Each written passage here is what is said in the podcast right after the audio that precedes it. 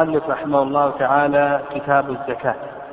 يعني لما أنهى المؤلف رحمه الله تعالى كتاب الصلاة شرع في كتاب الزكاة. والمناسبة مناسبة هذا الكتاب لما قبله ظاهرة. فإن الزكاة هي قرينة الصلاة في كتاب الله عز وجل فيما يقرب من ثلاث وثمانين موضع. وأيضا لحديث ابن عمر فيه ترتيب أركان الإسلام. بني الإسلام على خمس شهادة أن لا إله إلا الله وأن محمد رسول الله وإقام الصلاة وإيتاء الزكاة.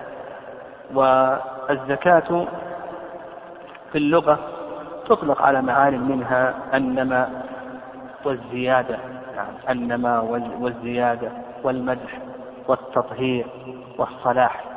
وأما في الاصطلاح أما في الاصطلاح فالتعبد لله عز وجل بإخراج مال التعبد لله عز وجل بإخراج مال خاص في وقت خاص لطائفة مخصوصة.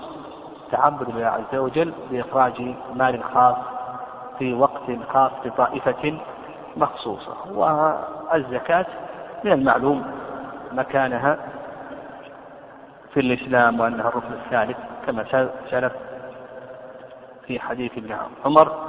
رضي الله تعالى عنهما وأدلتها ظاهرة في كتاب الله وسنة رسوله صلى الله عليه وسلم وإجماع المسلمين وحكمتها أيضا ظاهرة.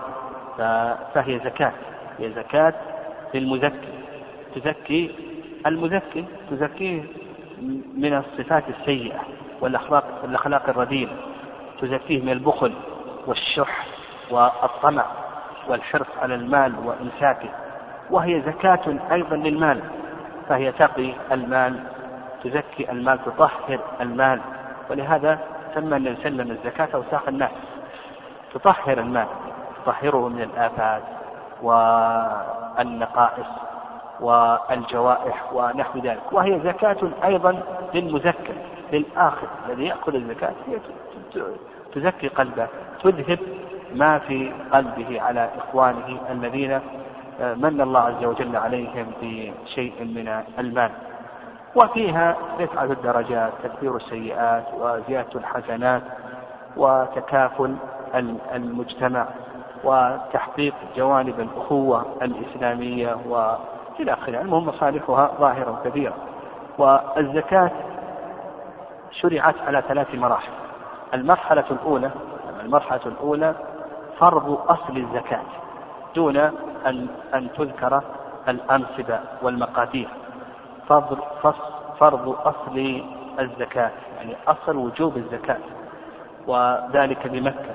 ويدل ذلك قول الله عز وجل وآتوا حقه يوم حصاده وآتوا حقه يوم حصاده المرحلة الثانية آه، بيان الأنصبة ومقادير الزكاة.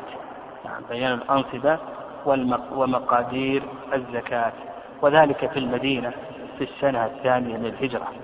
ويدل ذلك حديث قيس بن سعد رضي الله تعالى عنه قال أمرنا الرسول صلى الله عليه وسلم بزكاة الفطر قبل نزول آية الزكاة.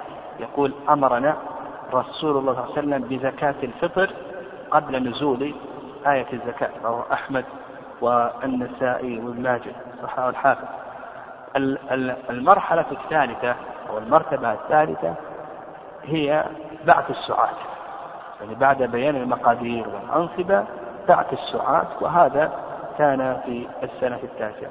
قال المؤلف رحمه الله تعالى تجب بشروط خمسة. نعم تجب بشروط خمسة. يعني الزكاة لا تجب في كل مال وإنما وإنما تجب في أموال خاصة.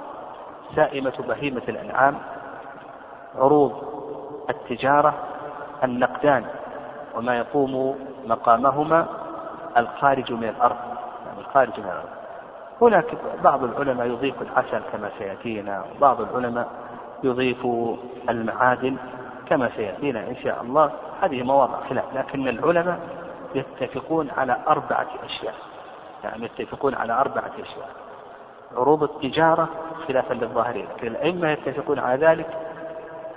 الأثمان الذهب والفضة. السائمة سائمة بهيمة الأنعام. الخارج من الأرض هذه الأربعة يتفق عليها العلماء رحمهم الله تعالى. قال بشروط خمسة. أحدها حرية. نعم هذا الشرط الأول أن يكون المزكي حرا وعلى هذا لا تجب الزكاة على الرقيق. لأن الرقيق لأن الرقيق لا مال له بل هو مال. الرقيق مال. إذا كان عروض تجارة يباع ويشترى وجبت الزكاة فيه. يعني فلا تجب الزكاة في الرقيق. وكذلك أيضا لا تجب الزكاة في آه نعم حتى المكاتب. يعني حتى المكاتب نعم لا تجب عليه الزكاة. المكاتب لا تجب عليه الزكاة. وإن كان المكاتب قد انعقد سبب الحرية فيه. والمكاتب من هو المكاتب؟ المكاتب هو الذي اشترى نفسه من سيده بمال منجم نعم بمال مقصر. اشترى نفسه من سيده. فهذا المكاتب لا تجب فيه الزكاة. لا لا تجب عليه الزكاة. يعني لو ملك مالا هذا المكاتب لأن المكاتب يتميز عن الرقيق القن خالص في الرق. الخالص في الرق هذا ما يملك. يعني وإن كان بعض العلماء قال يملك بالتمليك لكن بالنسبة للمكاتب هذا يملك. إذا ملك المكاتب مالا؟ المكاتب إذا ملك مالا. هل تجب الزكاة في مال المكاتب؟ أو نقول بأن المكاتبة لا زكاة عليه نقول بأن المكاتب لا زكاة عليه. لأن المكاتبة رقيق ما بقي عليه درهم كما ورد عن الصحابة رضي الله تعالى عنهم ولأن المكاتب هذا قد يعجز عن تسديد ما بقي عليه. فيعود المال لمن؟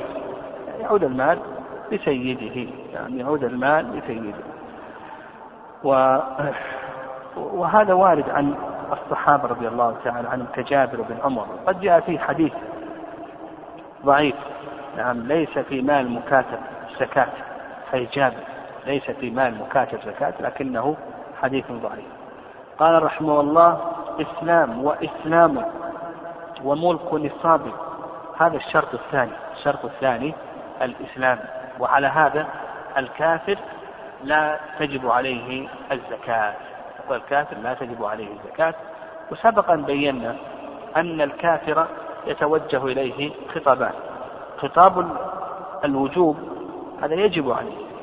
وعلى هذا يعذب. يعني يجب عليه وعلى هذا يعذب عليها يوم القيامة. ما سلككم في سقر قالوا لم نكن من المصلين ولم نكن نطعم المسكين وكنا نخوض مع الخائضين. والقسم الثاني وجوب الأداء يعني هذا لا يجب عليه أن يؤدي وعلى هذا لو أسلم ما نقول يجب عليك أنك تخرج زكاة أموالك السابقة. يعني لأنه فاقد للأصل التوحيد. نقف على هذا.